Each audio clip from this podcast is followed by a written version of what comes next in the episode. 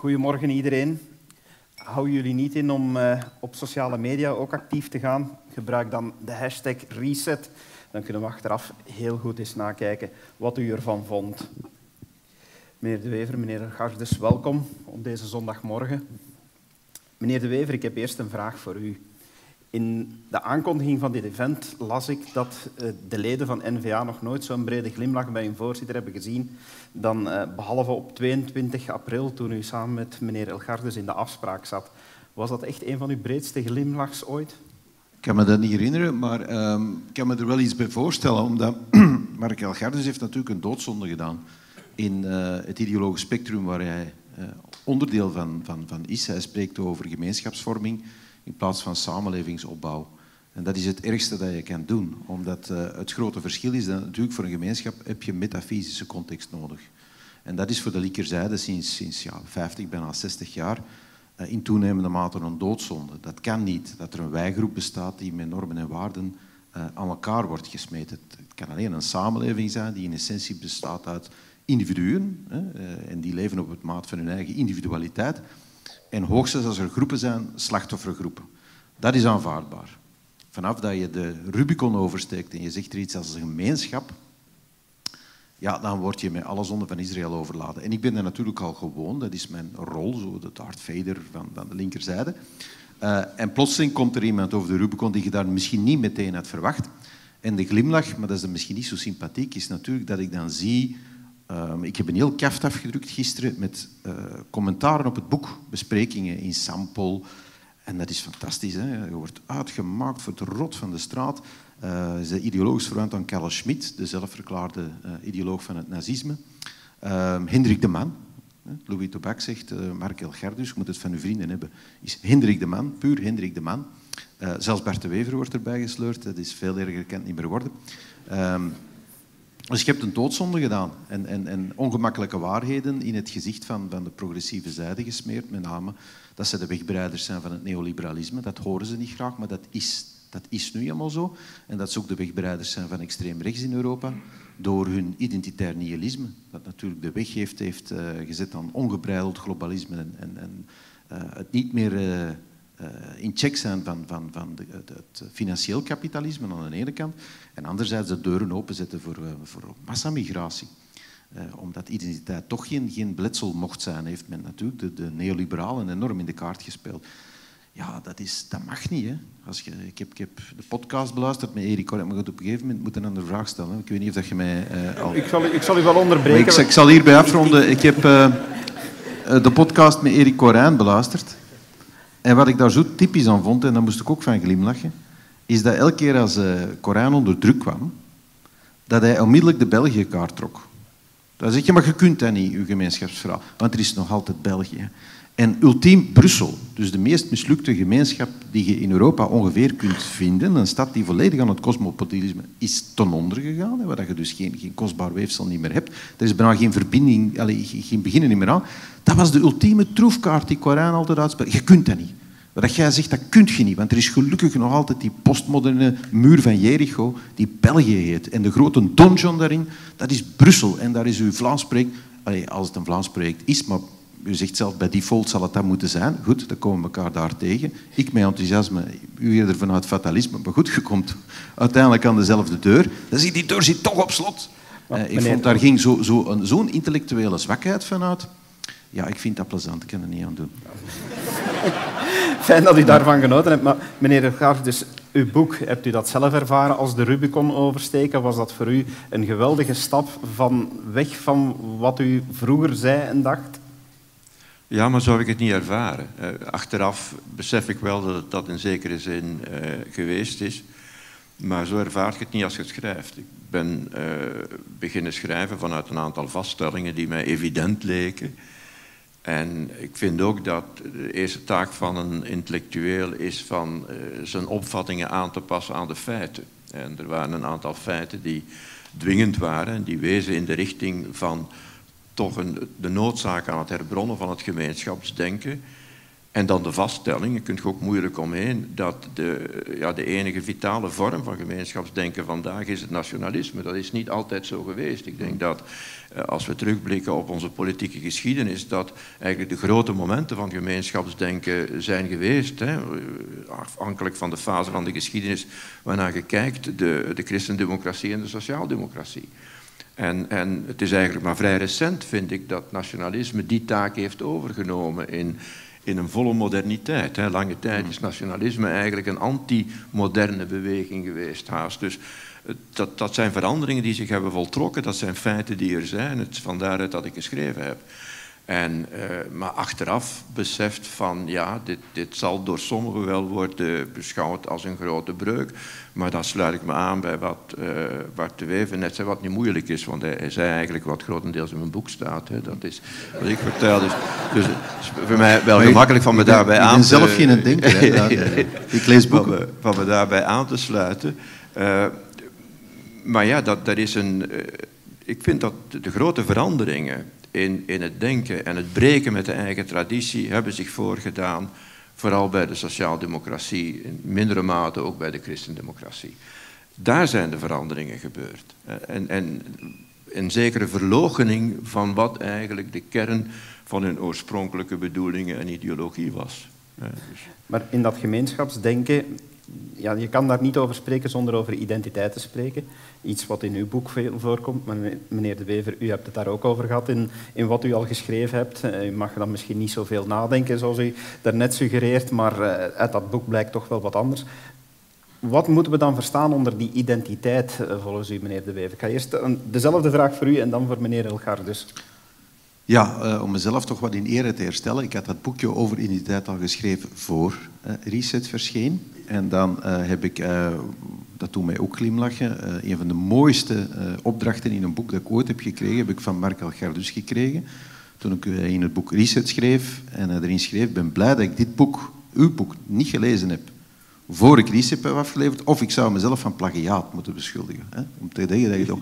Mijn boek is veel dunner uiteraard, maar er staat toch zo'n paar ideeën in die blijkbaar wel de toets van grote denkers konden, konden weerstaan. En in essentie gaat het over identiteit. Identiteit is een proces van identificatie. Dat is niet iets dat ooit in marmer staat, dat staat gekapt en dat je ergens kunt ontdekken. Er is niks essentialistisch aan. Wij zijn niet de Vlaming die God Vlaming schiep van, van Guido Gezelle. Uh, toen geloofden we dat en was dat op zichzelf valide, maar, maar identiteit in essentie is een verhaal. Een verhaal dat iedereen die eraan deelneemt elke dag aan elkaar vertelt. Dat daardoor elke dag verandert en toch hetzelfde blijft. En dan is de vraag, met welke software kun je zo'n verhaal doen draaien. Hè? En die is inderdaad niet, uh, die is niet altijd dezelfde. Hè? Daarom is identiteit ook zo moeilijk te vatten. En, en gaan de postmodernisten nu altijd uitdagen om te zeggen, maar geef me dan eens een bijsluiter. Hè? Wat is dat dan van Vlamings? En dan gaan ze die aanvallen, omdat je dat uiteindelijk niet kunt. Maar dat is niet de essentie. Die essentie is, is het waardevol te trachten een metafysica rond uw wijgroep te creëren. En denk dat die waardevol is. En dat inderdaad het nationalisme, uh, in een hernie- maar daar kunnen we over discussiëren, in een soort hernieuwd huwelijk met liberalisme, dat ook in de 19e eeuw heeft gestaan, uh, dat dat het beste recept is dat we vandaag nog hebben. Omdat natuurlijk de christendemocratie gebruikte de unificatie van de God van het christendom, maar die is opgedroogd. Die is al 200 jaar aan het opdrogen en gevoeld ja, dat, dat die lijm niet meer volstaat en dat die in de 21e eeuw wellicht volledig uh, gaat opdrogen.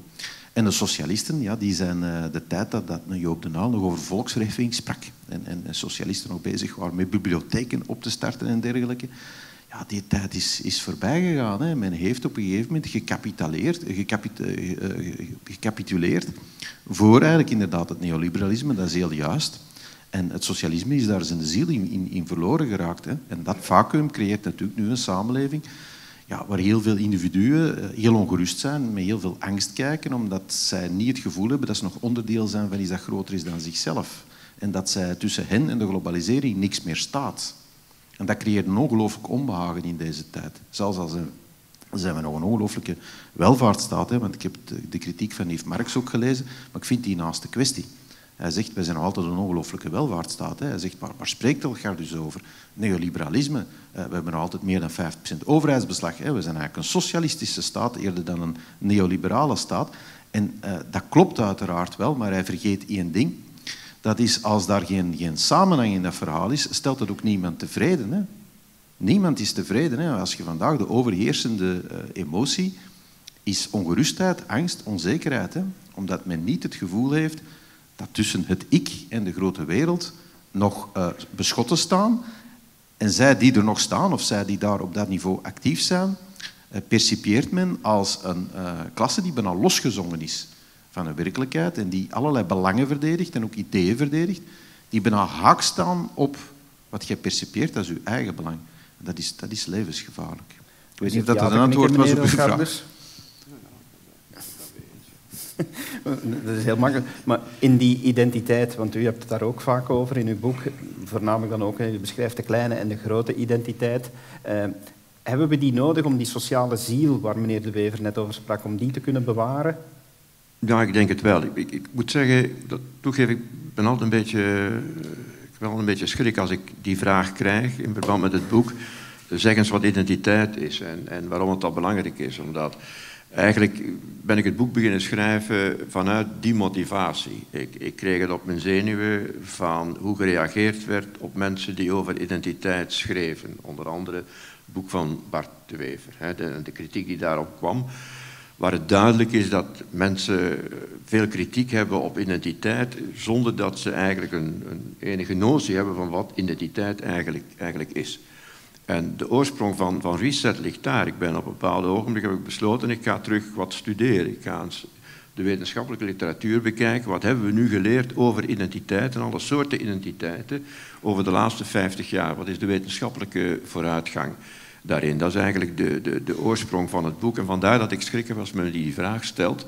Want, want eh, ik kan dat niet meer in het kort uitleggen. Het enige wat ik dan kan zeggen is, ja, lees het boek. Het eerste deel uh, gaat precies daarover. De, Karel Drabben heeft ook graag dat ik dat zo zeg. Dus, uh, dus het eerste deel van het, van het boek. Maar om, om terug aan te knopen bij, want daar gaat het dan om de collectieve identiteiten. En welke collectieve identiteiten kiezen we? En er is iets dat vaak gemist wordt in onze samenleving. Dat is dat eigenlijk woke zijn ook gemeenschapsdenkers. Men mist dat dikwijls. Woke zijn ook gemeenschapsdenkers. Alleen definiëren de wokers een gemeenschap in termen van hun seksuele geaardheid, hun huidskleur, hun onzekerheid over de seksuele geaardheid of hun onzekerheid over geslacht en dergelijke dingen. ze gebruiken dat als de basis van hun identiteit. En dus ik vind het een, een heel zakelijke vraag van zich af te vragen, ja, waarom is dat minder goed dan bijvoorbeeld uw identiteit kiezen op uw gemeenschap die territoriaal kan gedefinieerd worden ook. Waarom is het, is het beter van te zeggen, mijn hoofdidentiteit, we hebben allemaal verschillende identiteiten, het gaat over die hoofdidentiteit. Waarom is het beter van te zeggen, ik identificeer me toch heel sterk als Vlaming, in plaats van ik identificeer me sterk als transgender? Wat is het verschil tussen die twee? En ik denk dat er, als je over identiteit spreekt, zijn er altijd twee dimensies. En één dimensie is de emotionele band die je ermee hebt.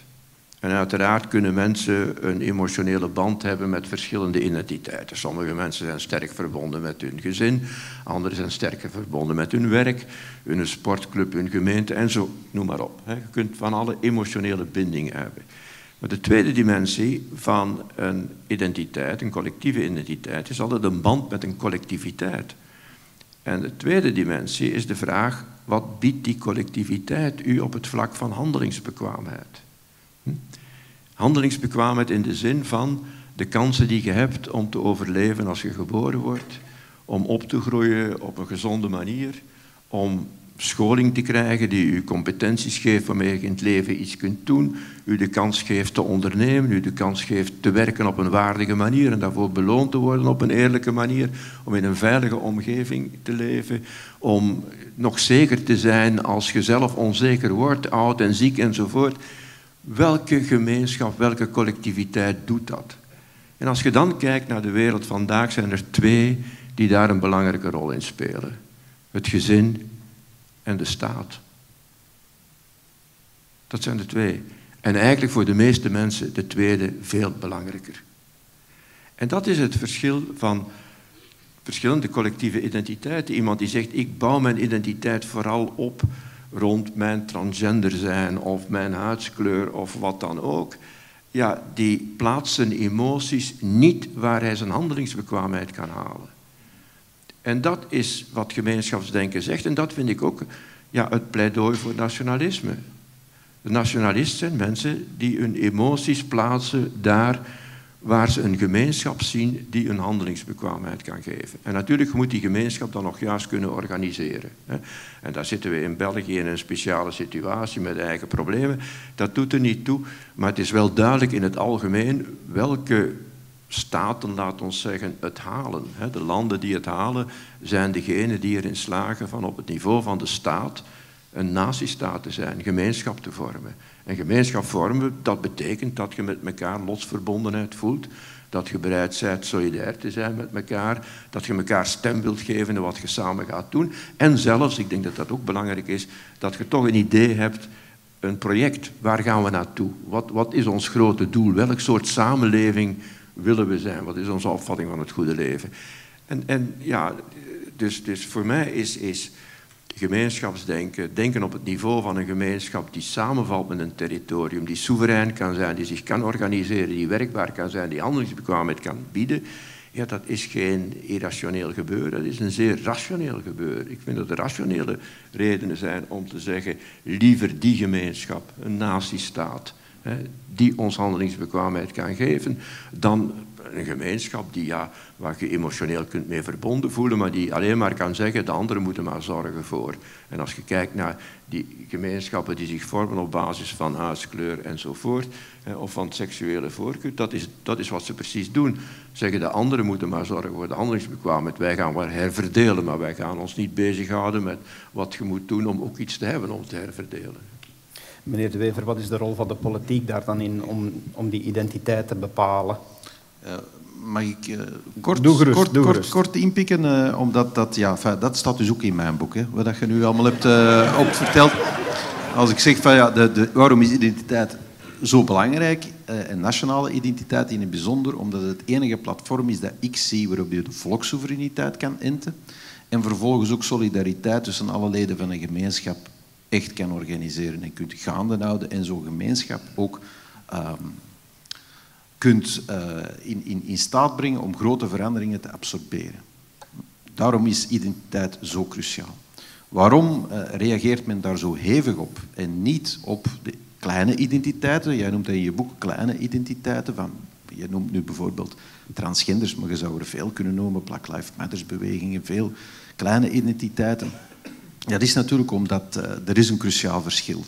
Um, je hebt het eigenlijk al geduid. Hè. Um, de grote nationale identiteit voor linkerzijde is um, vooral sinds mei 60 meer en meer gaan samenvallen als een machine waarin de heersende klasse haar normen en waarden gaat opleggen aan precies dit soort groep die vanuit kleine identiteiten daartegen moeten terugvechten. En het enige verband dat tussen nationalisme nog kan worden gelegd um, met de werkelijkheid is een verband van verdrukking, ontkenning, ontzegging, uitsluiting, imperialisme, seksisme, racisme, noem maar op. Een ander verband kan de linkerzijde niet zien. Zij worden daarbij op hun benkje bediend natuurlijk door het feit dat ze historisch nationalisme kunnen connoteren met reactionaire bewegingen en in het heden ook met extreem rechts, die ook precies dat soort identiteit voorop stelt. Een identiteit niet van uitnodiging, van groepsvorming, maar van uitsluiting. Een beetje het recht van de sterkste uh, dat ze willen organiseren. En daar zijn ze mee in een, in een dialectiek terechtgekomen die een belet om ook die opportuniteiten uh, te zien. Dus hoe hard dat men ook, en dat is een paradox, uh, de identiteit van de nationale gemeenschap tot op de grond wil afbreken als een verdrukkingsmachine, zo gemakkelijk gaan ze slachtoffergroepen, want die nationale gemeenschap is een dadergroep, die doet andere mensen dingen aan, heeft dat ook altijd gedaan in de geschiedenis in hun ogen. Zo gemakkelijk gaan ze identiteit toekennen aan wat zij perciperen als zijnde slachtoffergroepen. Die gaan die identiteit van hen onmiddellijk krijgen. En dat is een revindicatieve identiteit. Dat is een identiteit waar onmiddellijk aan moet tegemoet gekomen, omdat ze die zien ook als een afbraakelement binnen die nationale identiteit. Dat dient eigenlijk om alles, ja, de costly fabric of society, uit elkaar te trekken. Daar dient het voor. Wat is nu de rol van de staat in, uh, in identiteit? Dat is een hele delicate, want je zei daar het woord staat. Ik zou daar het woord nationale gemeenschap uh, uitspreken. Um, en dan is de vraag, wat is het, wat is het verschil? Hè? Welke rol uh, heb je te spelen in identiteit? Dat is wellicht de delicaatste vraag die je kunt stellen. ik denk dat een, een leidcultuur dat die noodzakelijk is. Maar zoals ik het in, in mijn eigen boek omschrijf, het, het kan best een verleidcultuur zijn. Je moet natuurlijk opletten voor de valstrikken van het nationalisme. Het is geen essentialisme. Het is niet iets waar mensen aan moeten voldoen. Het is niet waar mensen zich in hun hoofd aan moeten confirmeren. Het is uh, uiteindelijk leidende software die je op de hardware van uw land... Een land heeft een territorium, een land heeft een, een perceptie van een gemeenschappelijk verleden. Een land heeft heel hopelijk een taal hè, die alle leden, of toch zeker de elite, met elkaar spreken. Een land kan volkssoevereiniteit draaien. Dat, dat is eigenlijk hardware. De software die je daarop op, op doet draaien is uw evoluerende identiteit, maar dat moet natuurlijk uitnodigend zijn. Ik vind niet dat een overheid neutraal moet zijn. De waarde van de verlichting, nou de God van het christendom, zijn vrijheid en gelijkheid, het kompas waarop dat we proberen die te doen, onze identiteit te enten. En de wisselwerking tussen die twee, die alleen gezond is binnen een kader van identiteit, trekt dat weg en die twee gaan elkaar, worden de ergste vijanden van elkaar, vrijheid en gelijkheid. Dat is wat we vandaag wel beleven. Ehm, dat kader moet een, een, nationaal gemeenschap durven vooropstellen, niet als een container vrijheid en gelijkheid waar iedereen iets kan inleggen. En iedereen, het groot godsdienstig integrisme dat, dat, dat naar hier is gekomen, wordt evengoed onder de vlag van vrijheid en gelijkheid vandaag gepromoot.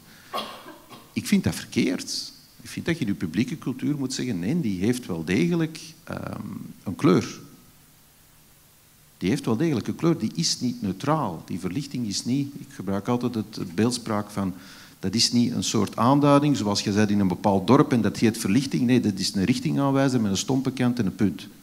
De stompe kant is waar we vandaan komen. De punt is waar we samen naartoe willen. En iedereen is uitgenodigd om mee in die richting te gaan. Maar wordt niet gedwongen. Je wordt zeker in uw hoofd niet gedwongen. Maar er wordt u wel eh, medegedeeld, dit is de richting waar we uitgaan. En dat is een collectieve richting. En die geeft vorm aan onze publieke cultuur. En wij kunnen, als we vriendelijk zijn, soms pragmatisch zijn naar andere manieren van denken en leven. Maar wij hoeven dat niet te zijn.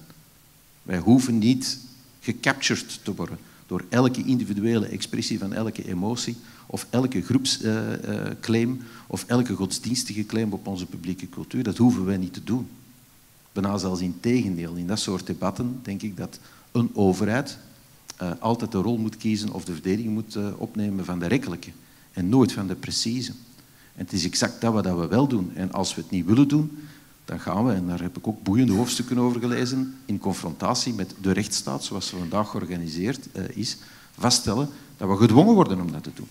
Omdat we allerlei dwaze wetten hebben gestemd tegen de vrijheid in functie van een verkeerd geconcipeerde gelijkheid. Een gelijkheid die gegeven moet worden, die niet bevochten moet worden, maar een ongelijkheid die onrechtvaardigheid is en dus, dus die gelijkheid moet verkregen worden. En als de overheid u niet geeft, dan ga je naar de rechtbank.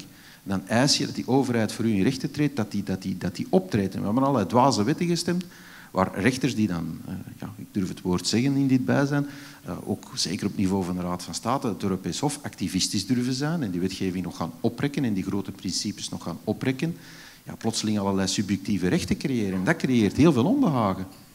Heel veel onbehagen, omdat je het gevoel hebt niet alleen dat uw identiteit als nationale gemeenschap u wordt ontzegd, uh, ze wordt gecriminaliseerd, maar zelfs daar waar dacht je ze uh, zou kunnen verdedigen met volkssoevereiniteit, wordt de deur toch nog opengebeukt door arresten en vonnissen, waardoor uh, mensen het gevoel hebben van ja, ik heb niet eens zelfbeschikking op dat niveau. Ik weet niet of dat, dat duidelijk was. Ja. Het is een heel interessante analyse, maar de vraag die ik dan heb is, uh, misschien ja, kun, hebben jullie daar beide dan wel eens een verschillende visie op, maar hoe kan je dat gemeenschapsdenken dan terug populair maken? Hoe kan je dat terug uh, laten, laten meer in de hoofden leven van, van de mensen? Nou, ik vind dat het, als je kijkt sociologisch naar wat er, wat er gebeurt, bijvoorbeeld op basis van eh, de wereldwaardestudie of de Europese waardestudies, heb ik de indruk dat meer en meer mensen toch vormen van het gemeenschapsdenken aanhangen. Of dat je in elk geval ziet de aspiraties van de mensen, dat ze in die richting uh, gaan. en aansluiten bij wat Bart Wever net zei, de nationale gemeenschap, het, akkoord, en ik vind de natie, de staat is nog wat anders. De staat is eigenlijk ja, de, handelingsbekwaamheid van een nationale gemeenschap. En, en die is, uh, dat is belangrijk. En inderdaad, ik vind dat de staat, hè, want dat was uh, de boodschap, denk ik, in, in uh, wat Bart de Wever zei. De staat heeft een opdracht, hè, heeft de opdracht van de middelen die het heeft te gebruiken ook om te waken over een continuïteit in de identiteit van die gemeenschap. En dat is geen vast gegeven. Hè. Een van de mooie dingen die ik las in, in het boek van Bart de Wever was van identiteit is niet zozeer de vraag wie we zijn, maar wel wie we willen worden. Hè, en waar we aan willen bouwen. Maar dat moet een staat dan effectief doen en dat hebben we de laatste jaren in West-Europa heel slecht gedaan. We hebben het omgekeerde gedaan. We hebben systematisch proberen af te bouwen. En twee, twee dingen daarover. En dan kom ik wel terug tot, tot u, of één ding daarover, en dan kom ik terug tot uw vraag van hoe kunnen we het gemeenschapsdenken sterker ingang doen vinden. Maar we zitten in een eigenaardige situatie, denk ik, in, in, eh, in vele West-Europese landen. Dat is dat de elite die toch heel veel invloed heeft in academia, in de media, ook in de politiek, dat die meer en meer voelt dat zij wat hun opvattingen over de werkelijkheid betreft en wat hun visie op de samenleving betreft en hun visie op de mens betreft, een kleine minderheidspositie innemen. Dat hun denken eigenlijk ingaat tegen dat van de grote meerderheid van de bevolkingen in West-Europa. Kijk naar eender welk onderzoek over opvattingen en je ziet dat. Waar ik het meest naar kijk is migratie. Ik kan erop ingaan. De opvattingen die gelden nog altijd en die onze wetten bepalen, die druisen in tegen wat 80% van de bevolking wil op het vlak van migratie. Dus we zitten eigenlijk met een elite, om het zo te zeggen, die voelt dat ze een kleine minderheid is. En misschien verklaart dat omdat ze dan zoveel sympathie heeft voor alles wat minderheden zijn. En dus zit ze eigenlijk tegen te werken tegen alles wat, wat uit die samenleving komt. En ook dus de democratie af te bouwen. Want die juristocratie, de invloed van rechters, is natuurlijk dat. laat toch de mensen niet, laat de, vertegenwoordigers van het volk niet meer zoveel zeggen. Vertegenwoordigers van het volk moeten ook verdwijnen uit alle adviesorganen. Mogen daar niet meer zitten, want dat is dan de kiezer die nog iets gaat zeggen. En de kiezer die is niet meer te betrouwen, dat voelen ze. Zij vormen een minderheid en hebben schrik van die, van die kiezer. Dus alles wat het meerderheidsprincipe kan afbouwen, daar gaan ze voor. En dat is natuurlijk het, het steeds verzwakken van die, van die gemeenschap. En ik vind dat we de krachten niet moeten onderschatten die daar tegenstaan. Hoezeer dat mensen eigenlijk van dag tot dag, zonder dat ze daarvan bewust zijn, de continuïteit van hun identiteit eigenlijk bestendigen. Aan tafel doen mensen dat als ze praten, wat ze in de media zien, het gros daarvan enzovoort. Vooral de ontspanning doen dat. Samuel Huntington, Samuel Huntington, de Amerikaanse politoloog, die inmiddels overleden is, had daar iets, een heel mooie uitdrukking voor. Hij zei, migratie betekent eigenlijk verplaatsing van culturen. Mensen dragen hun cultuur mee. Dat zit zozeer in de mensen verplaatsen massaal en ze verplaatsen hun identiteit en hun cultuur. Hier zegt hij de Verenigde Staten, hè, dat deel van Noord-Amerika, de Verenigde Staten, veronderstelde dat niet was gekoloniseerd door Engelsen en dan later door Noordwest-Europeanen, maar dat dat hoofdzakelijk was gekoloniseerd door Spanjaarden, dan zou dat hier Mexico zijn. En waren dat Portugezen geweest, dan zou dat hier Brazilië zijn. Dat is heel juist. Dus wij onderschatten ook de manier waarop zonder veel inspanning de zaken bestendigd worden. Dus wat verwacht je dan van een overheid op dat vlak? Want ik denk dat een overheid daar een taak heeft, is van dat op een, op een niet dwingende wijze te bevorderen. En een van de zaken dan lijkt me toch eh, dat sterk moet gereageerd worden, inderdaad, tegen die soort ja, propaganda, of hoe moet ik het noemen, dat voortdurend neerhalen van de westerse identiteit, de Europese identiteit, de Vlaamse identiteit, als dat is kolonialisme, dat is patriarchaat, dat is homofobie, dat is dit, dat is dat. Terwijl je al die dingen bekijkt, zijn het precies die beschavingstraditie die het meeste hebben bijgedragen om ze te bekampen, om ze te veranderen, om er iets tegen te doen. Dus ik denk het verzetten daartegen, maar ook eh, toch kritischer zijn. Ik, ik, ik, ik heb al een paar keer gepleit in columns om eens een ernstig onderzoek te doen. Zit er in onze kunstsubsidies niet een bias? Worden vooral geen subsidies gegeven aan initiatieven die eigenlijk toch wel hè, eerder cultuur neerhalend zijn dan cultuurverheffend of cultuurbestendigend.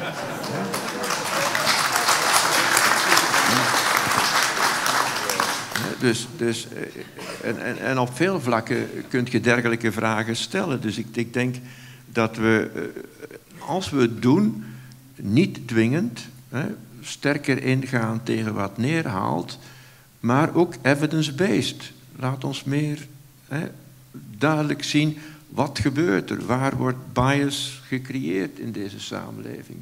En een bias, iedereen heeft recht op wat bias, maar een bias die systematisch in dezelfde richting gaat en eigenlijk eh, de, de, de, gemeenschap eerder verlamt dan, dan nieuwe kansen geeft. Het is, het is afschuwelijk, hè, wat je allemaal zegt, echt afschuwelijk.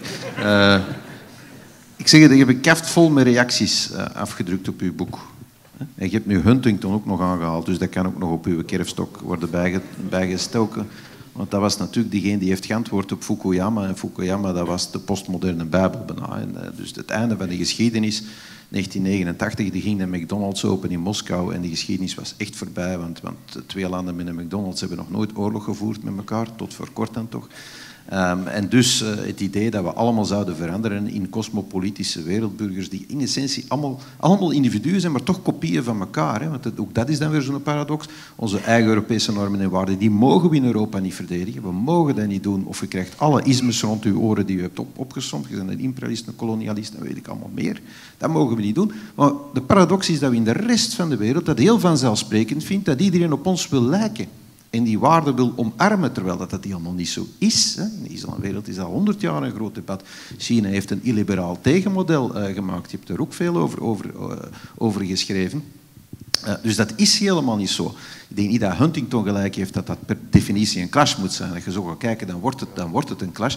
Maar er zit natuurlijk wel veel waarheid in. En ik denk wat u onderschat heeft, als ik dat mag zeggen, is de ongelooflijke rancune uh, die nu op u nederdaalt, of, of de ongelooflijke vijandigheid, omdat je het ergste hebt gedaan wat je kunt doen. Je hebt de postmodernistische burcht uh, verlaten en je staat nu over de slotgracht naar hen te kijken. En je hebt de trompet genomen, hè, waarmee men naar Jericho heeft geblazen, en, en, die muur die staat te trillen. En ze smijten alle kokende olie naar beneden, want het is het ergste dat je kunt doen. Uh, als dat van ons komt, dan kunnen ze gemakkelijk een plaats geven. Dat is een paar ismen in het debat, is gesloten. Komt dat van u, is het veel erger. Komt dat van de Khalid Benadou, want dat is heel opvallend, dat iemand die eigenlijk uit, eh, de achtergrond geschetst ideologisch, uh, ook, ook een imam, zouden niet direct in deze zaal verwachten, dat iemand die gaat nadenken over, ja maar, nationale gemeenschap is belangrijk en de islam in Europa moet eigenlijk constituerend onderdeel worden van de Vlaamse identiteit. Dat wij dat soort mensen beginnen tegenkomen. Dat, ik zie daar in het begin, en ik meen dat heel serieus van een Zeitenwende, ik denk dat de tijd van het postmodernisme dat dat voorbij is. Dat staat op instorten. In plaats uh, van uh, dat proces onder ogen te zien, gaan zij, die, en dat is toch de pensée unique in onze aulas, uh, op de, de, redacties van onze kranten, grote media, zich altijd maar vijandiger verdedigen. Beginnen ze ook het volk altijd maar meer te kleineren in alle verkeerde keuzes die het maakt. De keuze voor de brexit, de keuze voor Trump. Ik zeg niet dat dat juiste keuzes waren, maar de reactie erop te zeggen, ja, die mensen die dat gestemd hebben, dat zijn rurale, achterlijke, slecht opgeleide, racistische, blanke uh, mensen die in het verleden leven en de toekomst niet, niet willen omarmen. Ik denk niet dat dat al iemand heeft overtuigd om te zeggen, ah ja, ah ja, ja dus misschien ben ik dan fout. Hè. Uh, denk het niet. Denk, ik kan me vergissen, hè. ik denk het niet. En dus het gevaar dat ik zie, die rond af is niet zozeer of dat die omslag er komt. Ik denk dat die er komt. De vraag is, hoe, uh, wie zal die beheersen? En daar zie ik een enorm risico. Uh, je kunt dit positief kanaliseren. Boek Reset is daar een ongelooflijke bijdrage toe. Maar dit kan ook heel behoorlijk fout gaan. Hè? Het kan behoorlijk fout gaan. Hè? Ik zie dat in Europa Um, we staan daar op een kantelpunt. Hè, dus die, die, die welvaartsstaten, omdat ze geen metafysica hebben, die ogen allemaal zo oud, zo versleten, zo weerbarstig, zo um, avers aan elke hervorming. Je vraagt je soms af, hoe hebben wij ooit een oorlog doorgekomen? Met de mensen die hier zijn. Het minste dat er iets gebeurt, stort alles in elkaar. Drama. Drama. Het minste welvaartsverlies. Ik zeg niet dat dat leuk is, het is een, direct een, een, existentieel drama, want er is toch geen metafysica, dus het enige wat er nog is, is fysica. Als je daar iets op verliest, is het een drama. Niemand kan verliezen. En toch moeten we door heel moeilijke tijden en iedereen loert naar elkaar. Dus dat, uit dat onvermogen, daar, daar komt een soort Weimar-moment, er gaat iets nieuws komen. Ik denk dat we daar vlak voor staan. Er zijn Europese landen die het al doormaken. Hè? Het al doormaken, hè? waar heel het klassiek systeem in elkaar stort. Macron, eh, dat is dan op het presidentieel systeem, maar, maar uh, vader Le Pen was 80-20 tegen Chirac, uh, Macron 60-40 tegen Le Pen. Ik zie, ik zie wel een beweging. Italië is omgegaan. Wat wordt dat? Hè? Um, hier ziet je toch ook, in 24, als je naar de peilingen kijkt, hoeveel middelpuntvliedende krachten dat daarop zitten.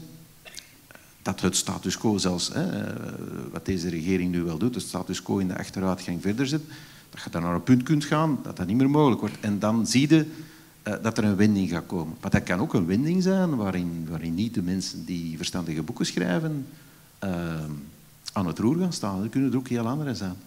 En dat is wat ik aan de linkerzijde niet zo goed snap. Dat is eigenlijk hun eigen uh, beulen aan het, aan het vetmesten zijn op deze moment. Dus men zou ook nog akkoorden kunnen sluiten met vriendelijke, convenabele mensen. maar daar, die bereidheid zie ik niet. En als ik de reacties op uw boek lees moet zeggen, van uw vrienden moet het hebben. Hè? Druk me nog voorzichtig uit. Ja, twee, twee dingen dat te reageren. Het, het, uh, in het algemeen sta ik heel sceptisch eh, tegen vergelijkingen met de jaren dertig. Mm. Want de, de, meeste daarvan uh, zijn, zijn eigenlijk uh, klinkklare onzin. Maar die verwijzing naar Weimar die u maakt, daarnet, die deel ik wel. Hè. Er is iets heel bijzonders gebeurd eigenlijk in Europa over de laatste twee, drie jaar. Daarvoor al heel lang, de eerste tekenen daarvan heb ik gezien in onderzoek in 2006, hadden mensen het gevoel dat het met hun samenleving slecht ging. De samenleving ging achteruit. Maar ik persoonlijk red het nog wel. Dat was eigenlijk de, de visie. En men stelde dat in verschillende landen vast. En, en uh, het Sociaal Cultureel Planbureau in Nederland hè, is daar ook. Uh, ik, was, ik was twee jaar voor het Sociaal Cultureel Planbureau met die vaststellingen. Maar het Sociaal Cultureel Planbureau heeft dat ook vastgesteld. En heeft daar een heel mooi uitdrukking voor bedacht. Hè. Het, het, boekje dat ze daarover gepubliceerd hebben, dat was... Met mij gaat het goed, met ons gaat het slecht. Dat was doende het idee. Persoonlijk red ik het nog wel. De samenleving gaat achteruit, maar ik red het wel. Hm? En sinds twee, drie jaar zien we in verschillende landen in de onderzoeken een wending. En het wordt, met ons gaat het slecht en met mij gaat het ook slecht. En dat is wat ik het Weimar-moment noem. Weimar ook hadden de mensen het idee van persoonlijk is het uitzichtloos voor ons, onder andere de armoede en de hoge inflatie. En natuurlijk, al lang gaat het met onze samenleving slecht. Ook het verdrag van Versailles, dat daar een verklaring voor was. En dat is een gevaarlijk moment. En dus dan, ja, dat brengt je dan. Hè. Je hebt het niet echt expliciet uitgesproken, maar dat is ja, wat ik noem inclusief en exclusief nationalisme. Dat, dat is eigenlijk een beetje de keuze waarvoor we in Europa staan. Want in alle eerlijkheid, ik zie niet meer die andere. Uh, ideologieën en de daaraan verbonden partij terug naar voren treden. Ik zie geen renaissance van de christendemocratie of van de uh, sociaaldemocratie. Dat zie ik niet gebeuren. En ik zie ook geen grote dagen meer voor het liberalisme eh, als, uh, als een partijgebonden ideologie. Dus ik denk dat het, het, grote gevecht zal zijn tussen inclusief en exclusief nationalisme. En daar inderdaad, als je naar Europa kijkt, je verwees naar Italië, dat is nogal duidelijk. Eigenlijk vind ik Frankrijk nog duidelijker als je de vooruitgang ziet hè, van uh, het Rassemblement National. Niet alleen die 40% die zij haalt tegen Macron, Maar ja, men heeft het best gedaan in de media, ook in de Franse media, om dat te verbergen. Maar de parlementaire verkiezingen zijn ook gewonnen geweest door uh, Le Pen. Dat is heel duidelijk. Le Monde had daarna zo'n commentaar. Waarom niet de leider van de oppositie uh, eerste minister maken? Zij dachten dat dat Mélenchon was, maar Mélenchon, zijn partij, is vier of vijf zetels kleiner dan die van Le Pen. Dus de, de, het grappige was dat, uh, zonder zich daarvan bewust te zijn, de krant Le Monde eigenlijk pleitte om Le Pen eerste minister te maken. Hè. Dus de, dus je ziet die tendens, en ja, je ziet in, in, in Vlaanderen is dat natuurlijk ook uitermate duidelijk. En ik denk dat daar het, het grote gevecht zich zal, het gevecht, de strijd, is daar te leveren. Daar zal het op aankomen.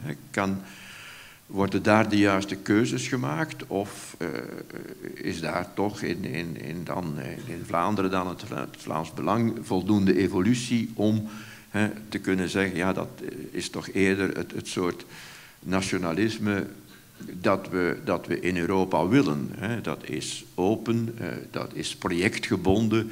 Iedereen kan ertoe behoren als je in dat project deelt. En er worden zelfs speciale inspanningen gedaan om dat te bevorderen, zowel sociaal-economisch als, als cultureel. Dat is een heel andere opstelling. En, en om dat in zijn historisch kader te zetten, want eh, dat, is ook iets van nationalisme, maar ik kan wel zeggen, dat, waren, dat was de competitie van de klasse-identiteit en dat was de competitie van de religieuze identiteit. Ja, die waren in competitie en die waren eigenlijk de basis van imperialisme. Maar eigenlijk, als ze iets wilden doen voor hun eigen bevolking, dan deden ze dat ook binnen de context van een staat. want eigenlijk als je Stalin bekijkt, die term wordt niet gebruikt, maar men, men kan Stalin omschrijven als nationaal communisme, als men nationaal socialisme gebruikt voor Hitler. Dat, dat, dat was dat, het was toepassen van dat systeem in één land. Dus zij zijn eigenlijk altijd nationalist geweest, zonder de basisprincipes van het nationalisme te aanvaarden. En dat is nog één waar we het nog niet over gehad hebben, wat nog toe, maar dat is voor mij heel belangrijk. Dat is de Westfaalse orde. Basis van nationalisme is ook gewild voor jezelf en je verdedigt je nationale soevereiniteit, maar je respecteert angstvallig de nationale soevereiniteit van anderen. Ik kan me daar kwaad in maken dat men in de kranten nu in ons land Poetin omschrijft als nationalist. Poetin is geen nationalist, de Oekraïners zijn nationalisten. Poetin is een imperialist.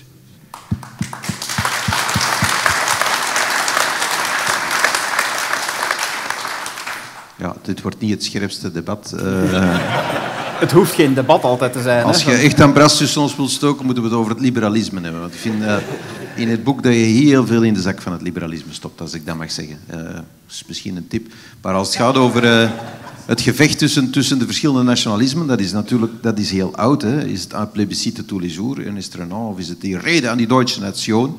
Uh, de twee typen van het nationalisme. Eigenlijk is nationalisme ook geen ideologie, het is ook maar een principe. Hè. Dus identiteit is een proces van identificatie. En nationalisme is het principe dat de staat en, en, en, en het volk dat die moeten samenvallen. En dat kun je doen door uw bevolking om te smeden tot een volk. Dat is zeker wat ze in Frankrijk hebben gedaan, met de bajonet op het geweer als het moest. Van peasants, van boeren hebben ze Fransen gemaakt. Dat hebben ze daar gedaan. Alleen in de periferie van Frankrijk zie je nog subnationaliteit. De Savoyards in de bergen, de Bretonen de Basken. Al de rest is vanuit Parijs met de kolf van het geweer uh, tot Fransen geklopt. Oké. Uh, de Duitsers hebben een andere weg moeten volgen, want dat was helemaal verbrokkeld. En dat is aan elkaar gesmeed, dus die hebben dan, uh, daar lag dan meer de klemtoon op Duits toe. Wat maakt ons allemaal Duits om naar die eenheid te gaan? Maar in essentie is datzelfde proces hoor. Staat en volk vallen samen. Oftewel heb je, moet je een staat vormen voor uw volk, iets waar wij mee bezig zijn, oftewel moet u uw bevolking omvormen tot een staat.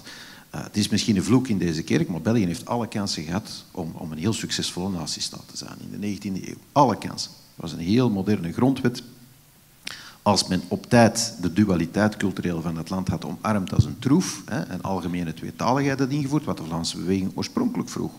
Vroeg niet dat uh, Vlaanderen Nederlandstalig uh, zou worden, vroeg dat België algemeen tweetalig zou worden.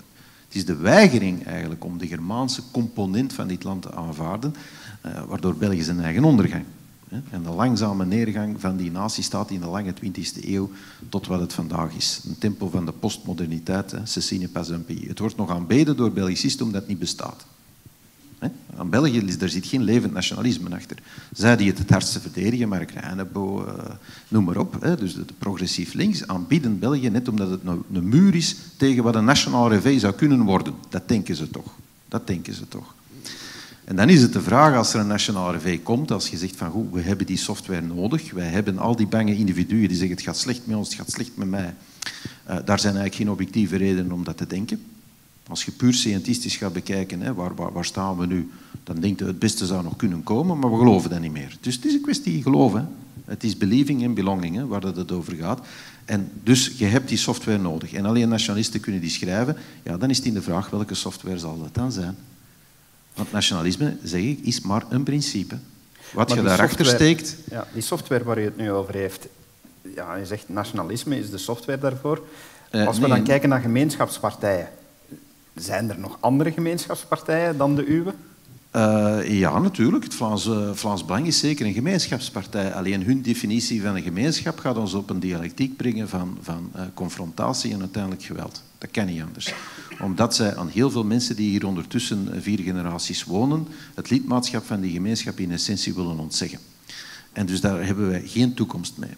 Uh, de gemeenschap die, die zeker mijn club uh, wil vooropstellen, is inderdaad die inclusieve, civiele identiteit, waar je zegt, het is een proces van identificatie.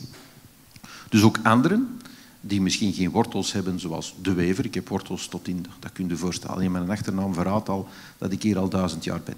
Uh, dus ik zou kunnen claimen op, op True Blue te zijn. Dus een, een, echte Vlaming, zoals dat heet. De Vlaming die God Vlaming heeft geschapen. Uh, maar ondertussen zijn er vele anderen. En in deze stad uh, worden 70% van de baby's geboren die een gezin dat thuis geen Nederlands spreekt. Uh, in New York in het begin van de eeuw was 80% van de mensen zogezegd vreemdeling. Hè? Als de Ieren, de Gangs of New York, kijk naar die film van Scorsese, werden beschouwd als zeer, zeer, zeer vreemd aan wat die Amerikaanse identiteit, American Native, moest zijn. Ga vandaag naar St. Patrick's Day in New York. Dat is het grootste feest dat je kunt inbeelden en iedereen feest mee. Dus het is niet onmogelijk om te zeggen, we gaan in dat proces van identificatie nieuwe groepen opnemen. Dat is zelfs de essentie. Hè? Huntington heeft een prachtig boek geschreven over hoe steeds meer groepen in de nationale Amerikaanse definitie worden opgenomen. Sinds Lincoln eigenlijk de Amerikaanse identiteit heeft verzinnenbeeld, zijn groepen vaak na grote nationale crisis, na oorlogen, opgenomen. De Ieren na de Eerste Wereldoorlog hadden trouw hun best gedaan, werden opgenomen. Afro-Amerikanen, vooral na de Vietnamoorlog, in een proces van opname. Dat is altijd een problematisch en veranderlijk proces, maar dat proces is essentieel. Identiteit is altijd een proces. Het is wie dat je wilt worden. En wie dat je dus aan de tafel laat meespreken in de dialoog, die identiteit in essentie is, kan iedereen zijn woordje placeren. En wat verwacht je dan uh, dat je zult worden? Uh, dat zal niet zijn wie, dat je, gisteren, wie dat je gisteren was. Je zult in essentie ook wat meer gaan lijken op wie er is bijgekomen. Maar dat is niet erg. Dat is niet erg. Het is het proces dat, dat essentieel is. Waardoor, als ik het heel kort mag samenvatten, je op een gegeven moment op een punt komt dat elkaars kinderen beschouwd worden als potentiële huwelijkspartners. En dan zeiden er. Want vanaf dat die met elkaar in essentie in bed gaan en kinderen maken, dan heb je nieuwe osmose, een nieuwe synthese. Die niet zal lijken op hoe het hier 50 jaar geleden was, maar die uiteindelijk drager zal kunnen zijn van een nationale gemeenschap en een nationale identiteit. De vijand daarvan is apartheid. En nu zal ik iets straf zeggen. Op dat vlak zijn de links en het Vlaams Belang net dezelfde net dezelfde. Dat zijn predikers van nieuwe apartheid tussen de dadergroep en de slachtoffergroepen, die niet in elkaar mogen overgaan. En links is dat om die te kunnen koesteren als de laatste electorale reddingsboei die je nog rest. En dat zal zeker zo in Brussel zijn, waarmee die mensen zeker op etnische basis, maar ook op andere slachtofferbasis, graag gaat benaderen om te zeggen, u bent slachtoffer van die identiteit die die, die, die, die, die, die, die boze NVA en Vlaams Belang, want voor u is dat allemaal in geheel. Kijk naar die reacties. Ik word ook samen met Karel je ze wel bedankt. Hè. Karel Schmid, Ergardus en De Wever. Dus uh, nazisme, Ergardus en, De Wever denkt ook zo. Merci. Dus dat is allemaal één osmose, dat is de vijand. Daar zit je het slachtoffer aan. Kom bij ons, kom bij ons, we zullen nu koesteren. Het Vlaamse Belang doen eigenlijk net hetzelfde. Hè. Dat is gewoon een apartheid. Er is een ons. Hè. Die ons is in essentie essentialistisch. En kunt daar alleen toe behoren als je totaal assimileert. Maar dat is, dat is onmogelijk. Hè.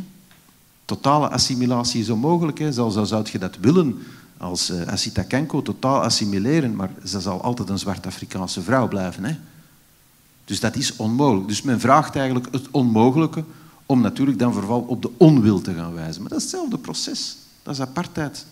En dat gaat ons in een dialectiek brengen die gaat ontploffen in Europa. En de vraag is, ja, kun je die ontploffing doorzetten door op tijd een andere wending te geven? Of gaan we die ontploffing meemaken? Dat is, dat is maar. Hè? Dat kan twee richtingen uitgaan. Eh. Er zijn momenten dat ik optimistisch wakker word, maar er zijn er, eh, er, zijn er ook andere. Ik moet dat eerlijk toegeven. Meneer Gardes, die ontploffing, zal die moeten in goede banen geleid worden door en dan citeer ik eigenlijk uh, de hoofdredacteur van De Morgen door de Elgardus-partijen. Zullen er partijen moeten opstaan die uh, het etiket van uw naam verdienen? Je gaat toch geen partij opstarten, hè? Dat ontbrak er nog wel. Ja, ja, ik heb dat ook gelezen in De Morgen, hoor. Maar uh, ja... Um, ik denk dat hij gewoon bedoelde uh, gemeenschapspartijen en dat hij toen eigenlijk voor ogen had uh, Christendemocraten, Sociaaldemocraten en N-VA. Dat was zijn, zijn visie. Hè. Um, ik heb op een, op een, op een heel uh, slecht moment, enfin, slecht karakter getoond door in een, in een gesprek toen te zeggen, ja, hij, heeft zich vergist, want het is een tweederde meerderheid, hè, als je het Vlaams Belang bijtelt. Hè, want is ook een gemeenschapspartij tenslotte. Hè. Niet, niet, niet met de juiste insteek misschien, maar het is ook een gemeenschapspartij. Uh, ja, ik, ik, vind dat, ik vind dat niet zo, zo belangrijk, maar ik denk wel dat, dat het, het, het nodig is om goed te gaan nadenken hoe pakken we dat aan? Want inderdaad, ik denk dat het risico op een grote crisis in Europa heel reëel is. We moeten, eh, het, is ontstellend ook te zien in onderzoek hoe wanhopig veel mensen zijn. En eh, wat er de laatste maanden gebeurt, is natuurlijk niet van aard om de wanhoop van de mensen te verminderen. Integendeel, om het te, te verergeren. Dus, dus ik denk dat er echt moet nagedacht worden. En, ik, ik, heb hetzelfde hoor. Sommige dagen sta ik optimist op en sommige dagen veel pessimistisch. En op de optimistische dagen denk ik toch altijd van kijk, misschien doen mensen toch al veel meer dan we, dan we verwachten. Hè. Dit, het is ook zoiets, men, men, men zegt dat soms, eh, als men spreekt van de Vlaamse identiteit, hè, krijg je dan dikwijls de vraag, beschrijf dat dan eens snel, wat is dat dan? Hè? Wat is dat dan? En natuurlijk, dat, dat is moeilijk dat te doen. En dat, uh, ja, uh, strandt dan dikwijls in, in, in die onnozeliteiten van uh, balletjes in tomatensaus of uh, bloemkool bechamelsaus of spruiten met saucissen en, en, en, en dat soort onzin. Maar als je het een beetje studieus aanpakt, als je nu zegt van hoe kan ik een, een, een identiteit van zo'n groep als, als bijvoorbeeld Vlaanderen gaan afbakenen. En je gaat dan een beetje kijken, je kijkt eerst naar grondwetten. Maar ik kan u verzekeren, grondwetten zeggen iets over wat een volk wil zijn.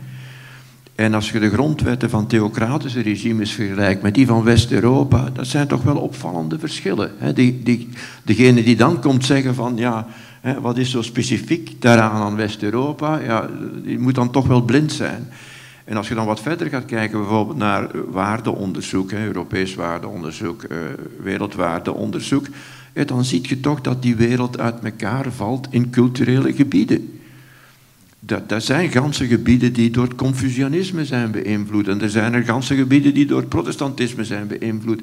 En dat speelt nog steeds door in de opvattingen vandaag. En als je naar Europa gaat kijken, ik kan u verzekeren, de Zweden zijn geen Polen en de Polen zijn geen Zweden. En wie dezelfde normen wil opleggen aan de twee, die krenkt een meerderheid in één van de twee landen. Daar is niks aan te doen. En dat is wat Europa de laatste tijd gedaan heeft. En dan kunnen ze gaan stijgeren over die weerbarstige Polen. Dan gaan we proberen te sanctioneren. Maar gewoon de meerderheid van de Polen denkt over fundamentele kwesties anders dan de meerderheid van de Zweden. Hoe zou je dan hetzelfde aan die twee kunnen opleggen? En, en in onderzoek over België zijn niet zo heel veel verschillen natuurlijk in, in opvattingen systematisch tussen Walen en Vlamingen, maar daar zijn er. En hetgeen meest opvallende dat ik vond in mijn onderzoek was dat de Franstalige Belgen verantwoordelijkheid graag collectief plaatsen. en de Vlamingen veel gemakkelijker persoonlijk de verantwoordelijkheid plaatsen. Met voor- en nadelen. Het nadeel is dat men gaat zeggen, ja, armoede is er ook wel persoonlijk verantwoordelijk voor zijn. maar natuurlijk ook de persoonlijke verantwoordelijkheid. Ik moet zelf iets doen. Dus het is een voor- en nadeel. Maar je ziet dat cultureel verschil. En op een bepaald moment heb ik me daarmee eens bezig gehouden op, in Vlaanderen, de provincies. Kunt je de provincies nog onderscheiden? Hebben die nog een specificiteit? Er zijn er twee die zich van de rest onderscheiden. ik ben er bijna zeker van dat je kunt zeggen de welke. Voilà, inderdaad.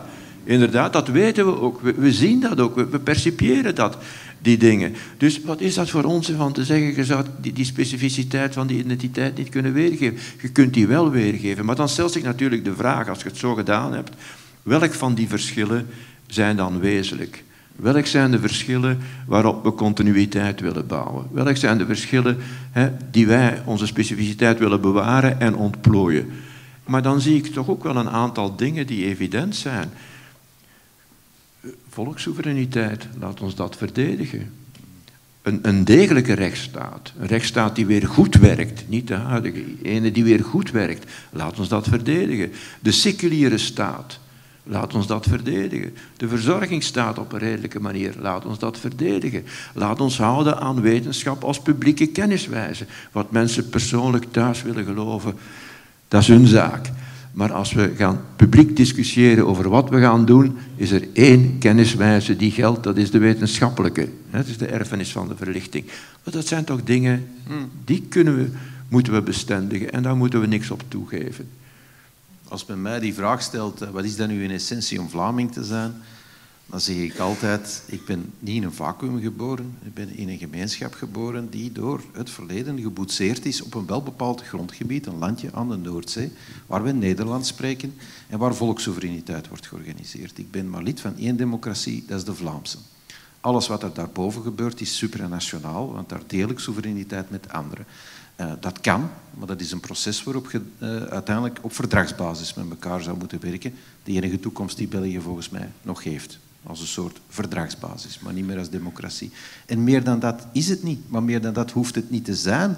En die volkssoevereiniteit geeft inderdaad uiting aan specifieke opvattingen over democratie, over de rule of law, over uh, de mate waarin God nog aan het stuur staat in onze samenleving. En dat is inderdaad niet copy-paste. Misschien lijkt dat heel erg op de ons omliggende landen. Maar hoe verder dat je ervan afgaat, hoe groter dat die verschillen in opvatting worden. En het idee dat daar geen articulatie aan mag gegeven worden, is dat een absurde idee. Waarom? Dat men mordicus blijft volharden bij progressief links.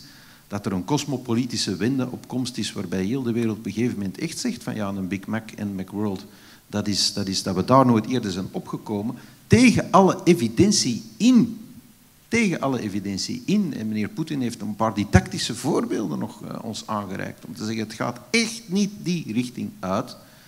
Dat is van een intellectuele leegheid. Een intellectuele zwakheid. Die voor mij verklaren waarom dat je zo tot dat soort scheldpartijen komt. In uw geval niet eens veredelde scheld. Wij zijn het ook al gewoon. Het is zelfs niet meer veredeld, het is gewoon schelden. Schelden, ik vind dat een teken van, van, van ongelooflijke zwakte. En daarom denk ik dat die Zeidenwende voor de deur staat. Hè. Op dit moment, mensen in deze zaal, eh, we hebben al langer een beetje de, zal ik zeggen, de, de gewoonten om, om wanneer buigend en vanuit de moral high ground te worden weggeschoven uit, uit de elitaire consensus. Ehm, maar ik denk echt, ja, om, om terug in bijbelse termen te spreken, dat het de muur van Jericho is. Het is niet omdat ze effectief de meeste rectoraten bemannen en zeker de redactie van de Morgen, de Standaard, de Knak, uh, dat dat pensée uniek is, uh, dat zij nog handvaten hebben op, op, op, op de volksmassa. Integendeel, de, de wanhoop ermee dat ze dan rukken, het schelden, het neerbuigende, gaat alleen maar een brandversneller zijn, denk ik, waarmee dat ze hun eigen huis aan het platbranden zijn. Daar ben ik al van overtuigd. En dan is de vraag, ja, wat komt er dan in de plaats? Misschien nog een laatste vraag over jullie twee als persoon. Uh, als ik interviews van jullie beiden lees, dan vind ik, dat, vind ik hier en daar terug uh, dat jullie een etiket op jullie zelf plaatsen. En meneer Elgardus, u noemt zichzelf een conservatieve sociaaldemocraat. Uh, meneer De Wever, bij u is het dan... De Wever noemt mij zo. Ja. Maar dat is niet om u uit te schelden, Mark. Is, uh... En omgekeerd, conservatieve liberaal. Ehm, liggen die dan nog ver uit elkaar of beginnen die heel dicht bij elkaar te liggen? Eindelijk stelde een vraag waar we denk ik ruzie over kunnen maken. Dat is de theorie van de welvaartscreatie. Ik vind dat Mark Algardus heel veel in de zak van het liberalisme steekt. Als jij schrijft liberalisme, denk ik al, goed, maar dit gaat voor mij over neoliberalisme en postmodernisme. Uh, naar mijn smaak, naar mijn opvatting, is er nooit een theorie van welvaartscreatie uh, bedacht buiten het liberalisme die even succesvol is. Die ons evenveel geeft, die de innovatie even sterk aanmoedigt, uh, het menselijk scheppingsvermogen en dus meer toegevoegde waarde kan creëren. En dus het liberalisme ingekapseld in een metafysisch systeem, het kapitalisme ingekapseld in normen en waarden, is volgens mij het beste systeem. Daarom noem ik mezelf een conservatieve liberaal. Ik ben geen neoliberaal, ik ben geen liberaal zoals, ja, zoals je dat in de VLD tegenwoordig... Alhoewel, enfin, ik ga er niks over zeggen. Uh, uh, het conservatieve is voor mij essentieel, filosofisch conservatief. Het moet uh, ingekapseld worden. De ontsporing van het financieel kapitalisme 2008 is een typisch voorbeeld van hoe de postmodernisten ongewild dat bastaardkind van het neoliberalisme op de wereld hebben losgelaten. Want als de natie uh, geen controle mag uitoefenen, als God, die ligt al langer in de lappenmand, geen controle mag uitoefenen over uw normen en waarden, dan blijft alleen dat geld nog over, van die drie componenten die je zelf ook hebt aangeduid. Maar dat geld dat gaat dan werkelijk ook wel zijn gangen. Hè? Van een van de meest dramatische momenten in mijn parlementaire carrière de getuigenis van André Bergen voor de Kamercommissie na de financiële crisis 2008. En die begon op een gegeven moment te schrijven. Omdat de vraag werd gesteld, maar wisten jullie dat niet? Wat er in die CDO's, wat daar allemaal in die, in die kredieten zat. En die, moest, die begon te schrijven. Die zei, nee, we, wisten het niet. Dus wij verkochten beleggingsproducten aan onze klanten. En die bank heette de bank van hier. Maar dan zit de bank van Ginder achter, in mijn ogen. De bank van hier, die lokt mij eigenlijk met een metafysische promotie. Die is de bank van hier. Hier. Maar die verkoopt mij beleggingsproducten die niet hier, die geen band hebben hier, die geen band, die geen band hebben met niets meer. Met niets meer. Nou, dat is het neoliberalisme, dat is het postmodernisme. Maar om van daaruit te zeggen dat het liberalisme is, heeft afgedaan als, als, als theorie van welvaartscreatie, dat zal ik pas geloven als je een betere hebt gevonden. En die werkelijk bewezen in de realiteit, wat je kunt zeggen, ik geef u een historisch voorbeeld, bewezen in de realiteit meer welvaart kan brengen voor de mensen. Ik heb die nooit gezien. En ik kan er ook, ik ben, maar ik ben geen grote denker, ik kan er ook geen verzinnen. Ja, ik, voilà. Maar ik denk dat we hier minder oneens zijn dan het lijkt. Dat het, ja, dat het, dat het voor een stuk dat het voor een stuk om, om woorden gaat. Hè? Dus mijn economische kritiek in het boek zeg ik altijd neoliberalisme. Daar heb ik het over het neoliberalisme, zoals je het daarnet hebt beschreven. Wat ik liberalisme noem in mijn boek is een rechtstheorie.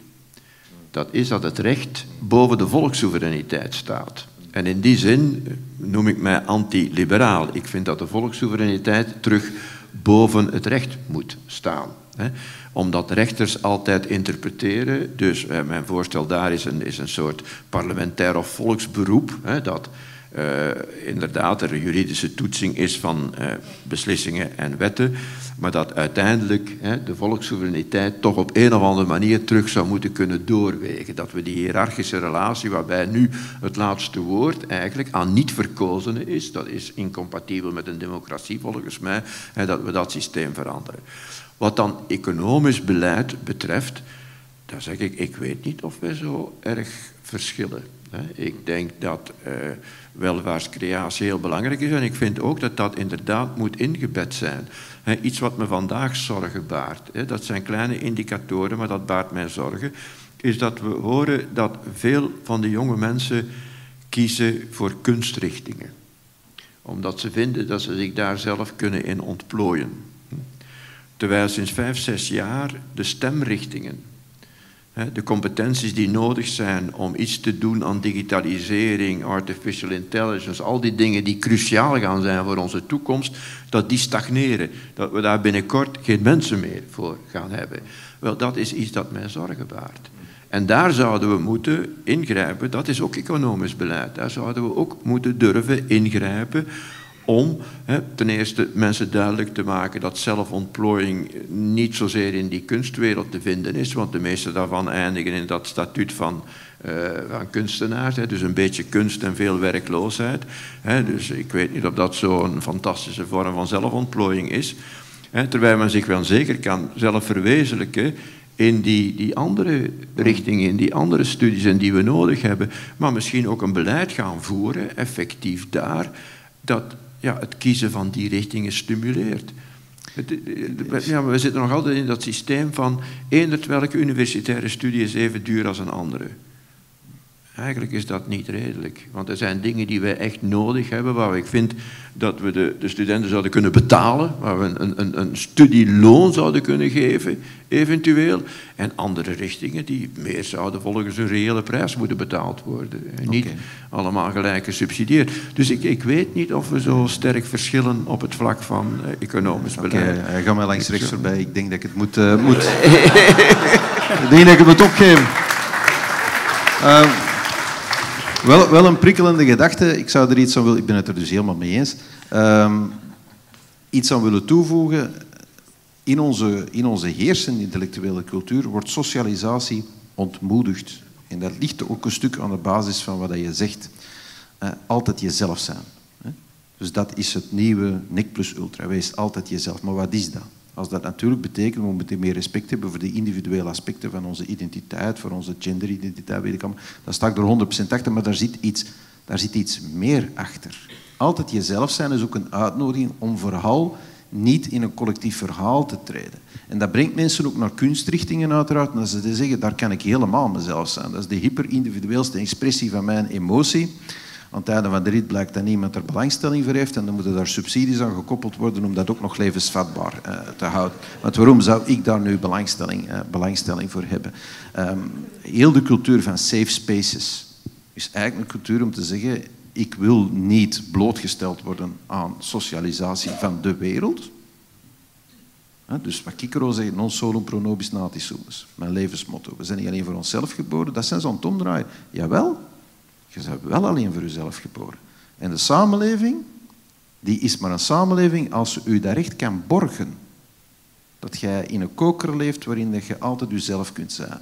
En u niet moet aanpassen aan wie dan ook. Aan wie dan ook. Degene die u dat vraagt om rekening te houden met anderen, om in de publieke cultuur bijvoorbeeld een hoofddoek af te zetten, om één voorbeeld te geven, ik zou er vele kunnen geven, hè, om uw individueelste expressie van wie dat je zelf denkt te mogen zijn in elke mogelijke context wat in te perken en u te conformeren aan wat de maatschappelijke consensus is, in de publieke cultuur zie ik wel, hè, niet in de private cultuur, ja, dat wordt als onbetamelijk beschouwd. Dat mag gewoon niet meer. Dat is, eh, dan krijg je alle mogelijke ismen. Hè. Zegt je dat aan iemand met een hoofddoek, dan is dat een racist. Zegt dat aan iemand die zijn seksuele identiteit altijd wilt uiten, dan zijn een, een, een seksist op een of andere manier. Uh, je kunt nog wel wat isme verzinnen, uh, maar dan zit je in defensief. En dat leidt er natuurlijk toe, het proces dat je, dat je beschrijft. Hè. in in zo'n context wordt vooruitgang ook een noodlot. Hè. Waarom zouden we stemrichtingen kiezen als uiteindelijk stemmensen de planeet gaan vernietigen? Dat is toch het heersende denken? Dan kun je beter in een safe space kunstzinnig zijn en, en, en bomen gaan knuffelen en weet ik allemaal meer. Uh, dan dat je gaat meedoen aan het systeem. En ook aan een economisch systeem dat maar één uitkomst kan hebben en dat is de apocalyps. Dus dat is een hele giftige cocktail. Dus die samenhang, uh, die zie ik wel. En dat zou best in zijn geheel worden, uh, worden doorgespoeld. Daar, dat is een moment dat ik pessimistisch wakker word. Ik heb een dochter gehad, die heeft, die heeft zes maanden in Berlijn gestudeerd, die is teruggekomen, dat is, dat is, dat is onwaarschijnlijk. Dus je ziet daar, eh, dus stuurt, denk een Amerikaanse campus zou nog erger geweest zijn. Die komen volledig geïndoctrineerd terug.